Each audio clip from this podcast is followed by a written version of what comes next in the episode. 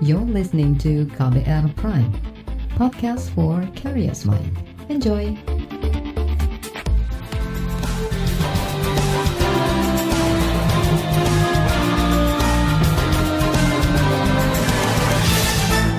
Halo saudara, senang sekali kami bisa menyapa Anda kembali dalam program KBR Sore, edisi Rabu 10 Februari 2021. Saya, Sindu Darmawan. Sore ini kami membahas tentang keputusan Kementerian Kesehatan memperbanyak testing dan tracing untuk mengatasi pandemi COVID-19. Ini diperkuat dengan keluarnya keputusan Menteri Kesehatan yang memasukkan rapid antigen sebagai alat diagnosis COVID-19 di daerah yang tidak bisa mengirim sampel PCR dalam waktu kurang dari 24 jam atau kapasitas lab PCR sudah penuh. Jadi, apakah cara baru ini bisa jadi angin segar untuk Indonesia? Saudara, kurva jumlah angka kasus positif COVID-19 di Indonesia belum menunjukkan penurunan yang nyata. Ini dikarenakan masih minimnya testing dan tracing. Menteri Kesehatan Budi Gunadi Sadikin mengatakan pemerintah akan segera menggeber testing bagi orang-orang yang kontak erat dengan orang terkonfirmasi positif COVID-19. Berikut penjelasan Menteri Kesehatan Budi Gunadi Sadikin. Angka testing ini memang dilandaskan masukan dari para epidemiolog bahwa testing itu sebaiknya dilakukan 15 kontak erat sampai 30 kontak erat per kasus aktif dan bisa dikejar uh, dalam tempo 72 jam. Tujuannya adalah untuk bisa cepat mengidentifikasi siapa yang tertular, kemudian mengisolasi mereka untuk mengurangi laju penularan. Karena strategi mengatasi pandemi ini, masukannya diberikan seluruh epidemiolog ke kami konsisten cuma satu Pak, mengurangi laju penularan atau flattening the curve. Salah satu komponen dari strategi ini adalah mengidentifikasi secepat-cepatnya, kemudian mengisolasi secepat-cepatnya, melihat siapa saja yang tertular oleh yang ter, yang terkonfirmasi positif ini secepat-cepatnya. Oleh karena itu, kenapa kita juga secara agresif melakukan testing ini. Nah, angkanya testing itu kita asumsikan bahwa orang yang terkena kasus aktif tahun ini adalah 1,7 juta. Ini masukan dari para epidemiolog. Dari 1,7 juta, kita hitung, kita kalikan 15, Pak. Karena itu kira-kira kan 15 orang yang akan kena. Dan memang angkanya kita masih gelondongan untuk masukkan ke Kementerian Keuangan. Kita asumsikan angkanya tadi yang angkanya besarnya sekitar 25 jutaan ini kemudian dikalikan 500 ribu. Jadi masukan dari teman-teman anggota akan kami terima, nanti angkanya akan kami pisahkan. Budi memaparkan penerapan tracing kontak dilakukan dengan melibatkan Babinsa dan Babin Kamtipmas sebagai penelusur. Untuk tracingnya, aturannya dari WHO adalah kita mesti memiliki 30 tracer per 100 ribu penduduk. Jadi kalau penduduk kita 269 juta, dihitung-hitung butuh 80 ribu tracer. Sekarang kita masih punya 5 ribuan tracer sesudah seberapa lama mencoba merekrut. Karena ini mesti dilakukan cepat, kita mencari vehicle atau cara yang paling cepat bisa merekrut orang-orang yang mengenal daerahnya. Kalau bisa sudah ada di sana dan kita bisa suruh cepat dan disiplin dia jalan. Itu sebabnya kita kontak dengan Babinsa dan Babin Kamtipmas karena mereka masing-masing punya sekitar 60 ribu sampai 80 ribu anggota hampir di seluruh desa. Dengan seluruh Babinsa mulai besok akan dilatih oleh puskesmas. Puskesmas tetap sebagai pemegang komando untuk surveillance kesehatannya dan ada ada petugasnya di sana untuk berkoordinasi dengan Babinsa dan Babin Kamtipmas agar mereka diajari bagaimana melakukan tracing. Begitu ada kontak erat, kita kasih target mereka bisa nggak 15 sampai 30 orang dalam dua minggu sebelumnya dia teridentifikasi dalam 72 jam di trace begitu sudah dapat orang-orang ini harus segera dites. Tesnya dengan tes antigen supaya cepat.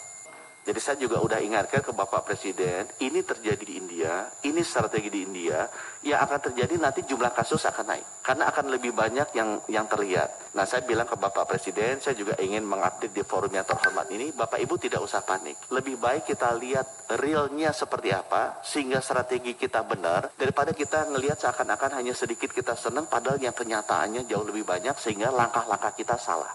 Jadi mohon, mohon kalau misalnya nanti ternyata naik, uh, tolong dibantu meredam kepanikan karena ini memang cara kita untuk bisa mengidentifikasi secara benar orang yang terkena tuh ada di mana kita bisa isolasikan lengkap. Itu tadi Menteri Kesehatan Budi Gunadi Sadikin. Saudara, pada bagian berikutnya kita akan simak laporan khas KBR bertajuk Cerita Tracing Pasien COVID-19. Simak laporannya usai jeda. Tetaplah di KBR Sore.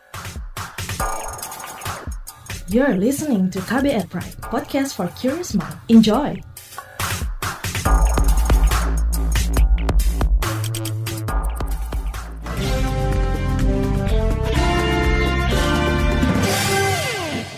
Saudara, pemerintah akan meningkatkan pelacakan dan penelusuran COVID-19 untuk mencegah meluasnya penyebaran virus corona. Upaya tersebut selama ini dinilai kurang maksimal. Sejumlah warga bahkan berupaya melakukan tes mandiri ketika ada anggota keluarga mereka kontak erat dengan pasien positif. Simak liputan tim KBR dibacakan Astri Yuwanasari. Rencana Reski sekeluarga ke Jogja saat libur Imlek akhir pekan ini batal. Pembatalan agenda libur itu lantaran istrinya positif saat dites antigen. Antigen adalah salah satu syarat yang harus dilakukan warga jika ingin bepergian. Reski dan istrinya langsung melakukan swab PCR guna memastikan kondisi kesehatan mereka. Hasilnya, istrinya terkonfirmasi positif COVID-19, namun Reski negatif begitu dapat hasilnya uh, positif, saya langsung telepon ke 119 extension 9 itu untuk Satgas Covid ya.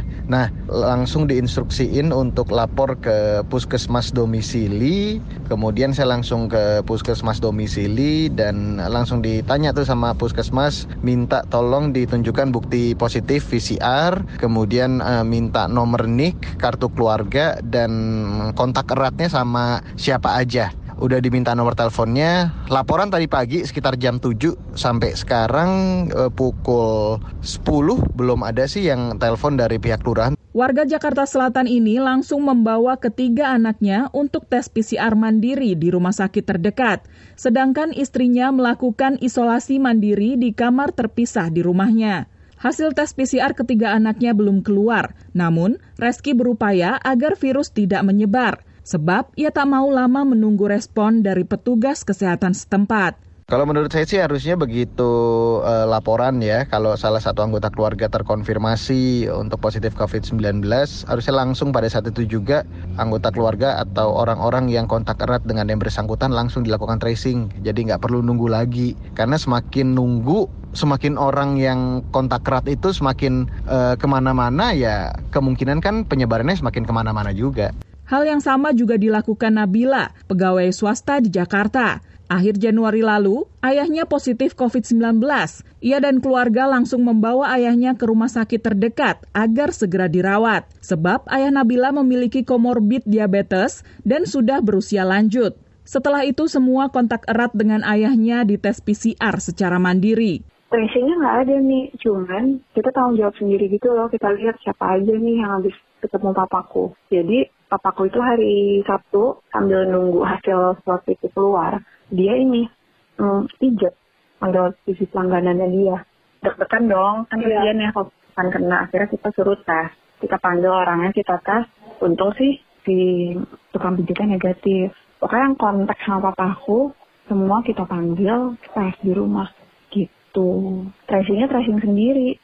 Nabila pun tak mau menunggu lama prosedur dari pemerintah untuk melakukan pelacakan pada keluarganya. Baginya, kesehatan keluarga dan orang-orang dekatnya jauh lebih penting, meski ia harus membayar sendiri biaya PCR. Saat ini ayah Nabila masih isolasi mandiri di rumah setelah dirawat 10 hari di Rumah Sakit Yarsi, Jakarta. Karena kan pemerintah nyediain kan.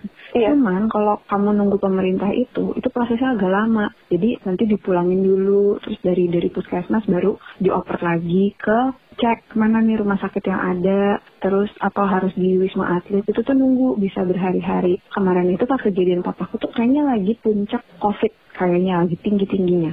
Jadi kita pikir juga kayak aduh deh lama deh kalau nunggu-nunggu isoman nunggu apa segala macam jadi kita ngambil langsung sendiri ke apa ngambil tindakan langsung Namun menurut Intan, pelacakan dari pemerintah sudah dilakukan dengan baik. Warga Semarang, Jawa Tengah ini menceritakan pengalaman tiga anggota keluarganya terkonfirmasi positif COVID-19 hingga ayahnya meninggal awal Januari lalu. Saat itu seluruh anggota keluarga termasuk asisten rumah tangga dan sopir diminta datang ke laboratorium kesehatan daerah untuk melakukan tes PCR. Sudah, sudah, sudah. Sudah, sangat, sangat baik sih sangat baiknya dalam arti menyeluruh ya satu rumah tapi nggak sampai yang ke itu enggak karena memang bapak sendiri membatasi kontak sama orang sih.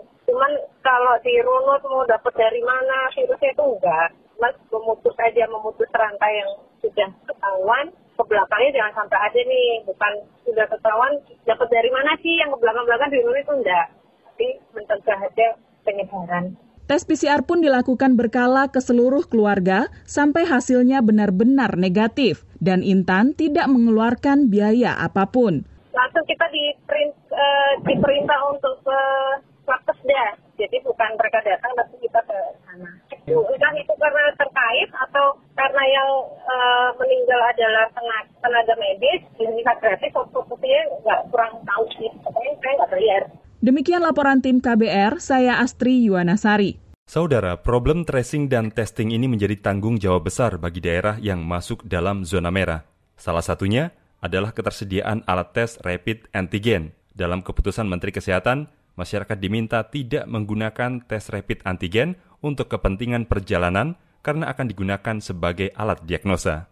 Lantas, bagaimana strategi pemerintah daerah Perbincangan dengan juru bicara Satgas COVID-19 Jawa Timur, Mahian Jibril, akan kami hadirkan sesaat lagi. Tetaplah di KBR Sore. You're listening to KBR Pride, podcast for curious mind. Enjoy!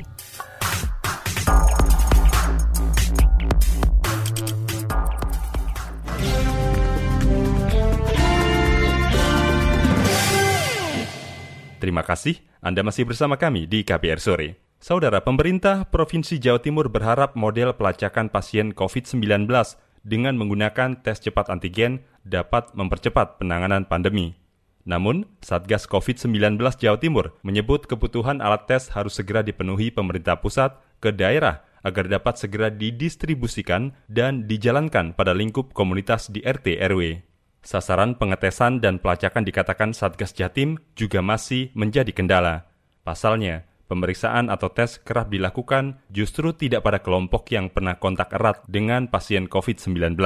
Berikut perbincangan jurnalis KBR Heru Haitami bersama juru bicara Satgas COVID-19 Jawa Timur, Mahian Jibril. Kementerian Kesehatan mengatakan bahwa akan meningkatkan pelacakan kontak tracing dengan menggunakan rapid test antigen. Lalu bagaimana kesiapan pemerintah daerah Jawa Timur termasuk ke dalam ketersediaan lab, test kit, dan juga tim pelacakan. Jadi memang untuk apa eh, pengecekan ini eh, kan kan kita kalau dari laboratorium kan saya sudah menyebar di seluruh Jawa Timur dan adanya antigen ini kan pasti akan membantu kemarin itu dari Kemenkes rencananya akan ada 1, berapa ya 1,7 juta rapid antigen yang nantinya akan dibantu kalau nggak kan dari WHO. Nah ini akan kita tunggu nanti apa dari antigen yang nanti akan dibantu itu nanti akan dimasukkan ke satgas-satgas yang level kampung atau level RT. Nah ini kan di apa namanya di pedoman ppkm mikro yang baru ini kan daerah-daerah sampai level RT RW itu kan juga bisa melakukan apabila memang ditemukan kasus di sana kan bisa dilakukan tes. Nah, harapannya antigen itu bisa dipakai di sana. Sampai sekarang ini untuk penggunaan antigen ini kan baru dikeluarkan KMK baru dari Kemenkes yang memperbolehkan untuk diagnosis dengan menggunakan antigen. Jadi ya kita tinggal nunggu ini ya, nunggu pertama nunggu dari antigen itu yang kalau sebelumnya sih kita di Jawa Timur sudah sering dapat antigen ya dari bantuan dari PNBP dulu sempat dapat 50 ribu kalau nggak salah. Dan itu sudah kita bagikan ke seluruh rumah sakit rujukan. Dan yang untuk ini nanti kita menunggu dari Kemenkes itu. Dan yang kedua nanti katanya dari BUMN. Ini BUMN kita juga mereka kan juga rumah sakit rumah sakitnya maupun klinik-kliniknya kan sudah juga menyediakan mesin. Kalau BUMN lebih ke PCR-nya memang Nah, kalau sekarang ini, nah ini situasinya. Per kemarin itu kita ada 124 laboratorium PCR. Itu 24 PCR, itu yang 81 sudah operasional, yang 6 masih belum memang, karena memang masih adaptasi, persiapan, dan sebagainya. Yang 37 itu TCM. Untuk tim tracing ini kan kemarin kan dari Kemenkes baru kita baru dapat briefing ya, kalau memang apa akan ada rekrutmen massal untuk uh, tim tracing. Jadi kalau sekarang sih memang mengandalkan SDM-nya dari puskesmas. Nah ini nanti kalau misalnya memang sudah clear, ini kan dari Kemenkes kan kemarin masih ini ya masih konsep belum kita masih menunggu konsep clearnya seperti apa. Nanti kalau memang sudah ada nanti itu kita bantu implementasikan gitu. Karena kita kalau tidak salah dikasihnya itu ini petunjuk teknisnya saja kira-kira kebutuhan SDM yang seperti apa dan sebagainya gitu. Untuk pengetesan dan juga pelacakan ini sejauh ini seperti apa kendala yang ditemui? Iya, yang pertama ya ini karena testing ini kan harusnya idealnya memang kan testing itu dilakukan ke kontak erat ke orang-orang yang memang berisiko tinggi gitu ya. Maka di lapangan kita lihat testing-testing yang tidak sesuai sasaran gitu. Meskipun jumlah tes tinggi tapi kalau tidak sesuai sasaran itu ya percuma gitu. Seperti yang pernah disampaikan Pak Menkes gitu ya. Karena harusnya kan testing itu kan untuk penyelidikan epidemiologi. Tapi kadang-kadang karena mungkin orang yang punya akses pada tes itu lebih ingin dites atau mungkin orang yang punya biaya lebih ingin dites sedangkan orang yang kontak erat malah tidak dapat akses. Nah itu kan yang jadi problem di lapangan. Yang kedua juga di daerah-daerah yang kecil-kecil itu untuk PCR kan waktunya juga masih lama, masih nunggu, ada yang masih dua hari, tiga hari. Belum semuanya bisa sampai kurang dari 24 jam. Itu yang kalau misalnya dari tes PCR. Kalau yang antigen memang kita sudah, dulu kan sempat antigen banyak, banyak yang tes-tes yang tidak semuanya itu sudah sesuai dengan kriteria WHO atau Kemenkes itu. Itu kan banyak beredar dan itu banyak yang pakai gitu. Terus juga yang ketiga ya tes-tes yang palsu itu kan kemarin sempat ada surat-surat tes palsu yang alhamdulillah tapi sekarang sudah mulai di sudah mulai banyak yang dibereskan gitu. Lantas strategi apa yang dijalankan oleh Satgas Jatim untuk menangani hal tersebut? Sekarang kan kita kan di pemerintah provinsi kan punya kapasitas yang cukup besar di rumah sakit rumah sakit provinsi terus di lab yang bantuan dari Kemenkes dan juga dari lab yang sudah dapat bantuan itu kan dari testingnya kan ini biayanya kan bisa ditekan jadi kalau misalnya untuk kepentingan epidemiologis dan provinsi itu akan membantu untuk yang kontak-kontak erat dan tracing. Jadi sebenarnya tes-tes yang digunakan dari yang dimiliki oleh pemerintah provinsi maupun dari yang dari Kemenkes diutamakan untuk yang sesuai dengan target. Artinya orang-orang memang benar-benar punya kontak erat, terus memang berisiko tinggi, terpapar, seperti itu. Dan yang kedua juga kapasitas lab kan tetap kita tingkatkan. Meskipun memang kendalanya beberapa tadi kan masih ada 6 lab di Jawa Timur yang belum operasional karena mereka masih belum siap dari segi SDM atau dari segi labnya harus BSL di kedua. Nah itu juga kita bantu percepat bahwa mereka nanti kita meningkatkan kapasitas di Jawa Timur seperti itu. Untuk di lapangan edukasi ini yang memang sekarang masih menjadi tantangan ya edukasi level RT dan RW ini. Tapi alhamdulillah kan kita punya kampung tangguh. Kita sekarang sudah punya sekitar 3.500 kampung tangguh yang sudah dari 8 bulan yang lalu. Dan soal ini sekarang sudah menjadi program nasional diadopsi jadi kampung tangguh Nusantara. Nah itu yang sekarang kita matchkan sama PPKM Mikro ini. Ya harapannya ini kita level kampung yang sudah memahami masalah uh, isolasi, masalah testing dan sebagainya itu juga akan lebih membuat tesnya itu lebih tertarget. Saudara, itu tadi wawancara jurnalis KBR Heru Haitami bersama juru bicara Satgas COVID-19 Jawa Timur, Mahian Jibril. Para pakar mendukung rencana pemerintah memperbanyak testing menggunakan rapid antigen untuk memutus rantai penularan COVID-19 di Indonesia. Cara ini dianggap sebagai formula yang cocok diterapkan di Indonesia yang punya keterbatasan sarana laboratorium. Simak perbincangan dengan epidemiolog dari Universitas Erlangga UNER, Laura Nafika Yamani, sesaat lagi. Tetaplah di KBR Sore. You're listening to KBR Pride, podcast for curious mind. Enjoy!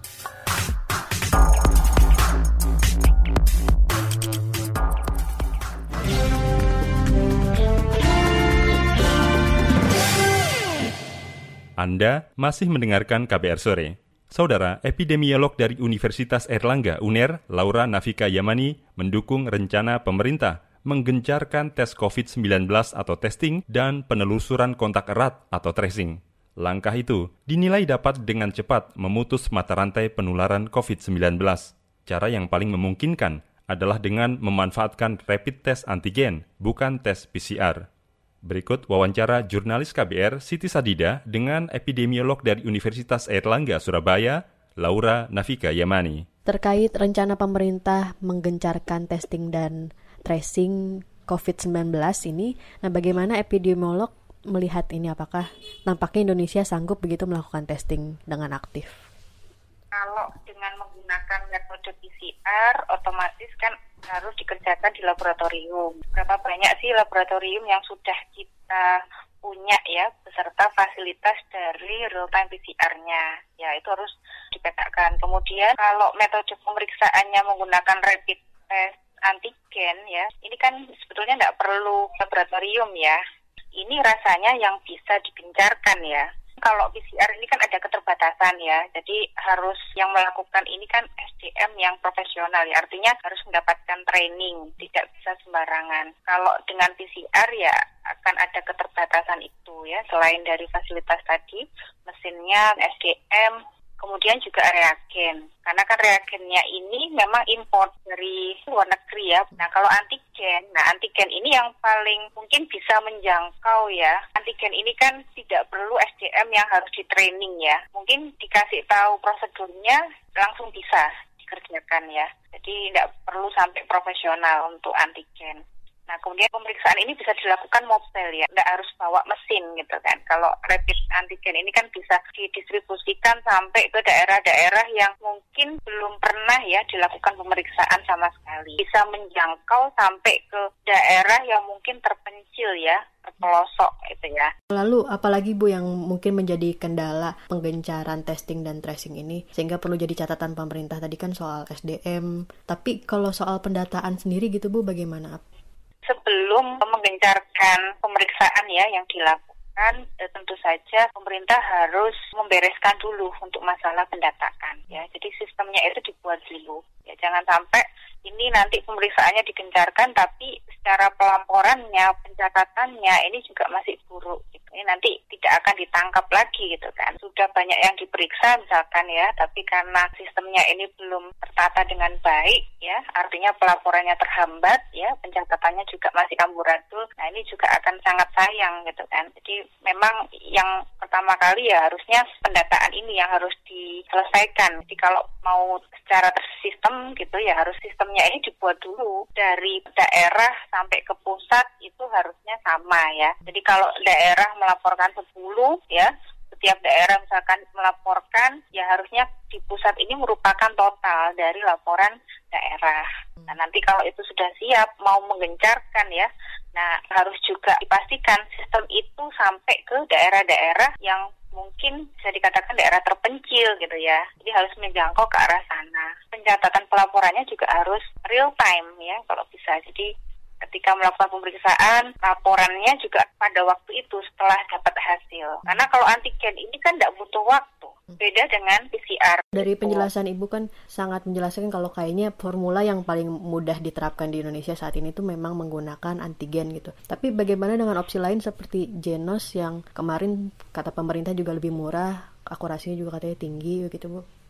Ya, tapi kalau Genos itu targetnya bukan virus sama dengan rapid test antibody ya yang murah yang sebelumnya memang kita pakai ya. Nah itu itu yang diperiksa bukan virusnya, yang diidentifikasi adalah responnya. Nah respon ini kan nanti bukan menjadi target ya. Jadi metode rapid tes antibody ini hanya screening, screening tapi tidak bisa digunakan sebagai metode diagnosis. Artinya tidak bisa mengkonfirmasi bahwa orang itu kalau positif ya pasti positif COVID.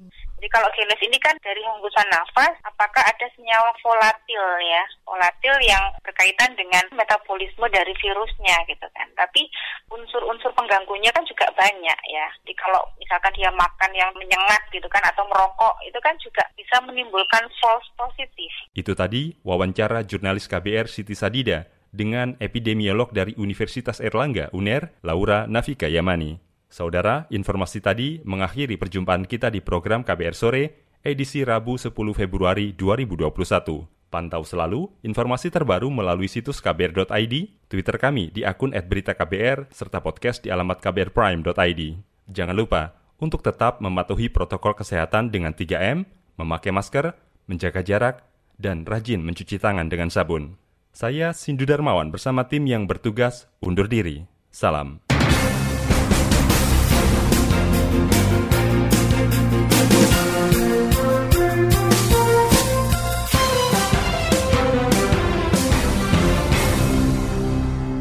KBR Prime, cara asik mendengar berita.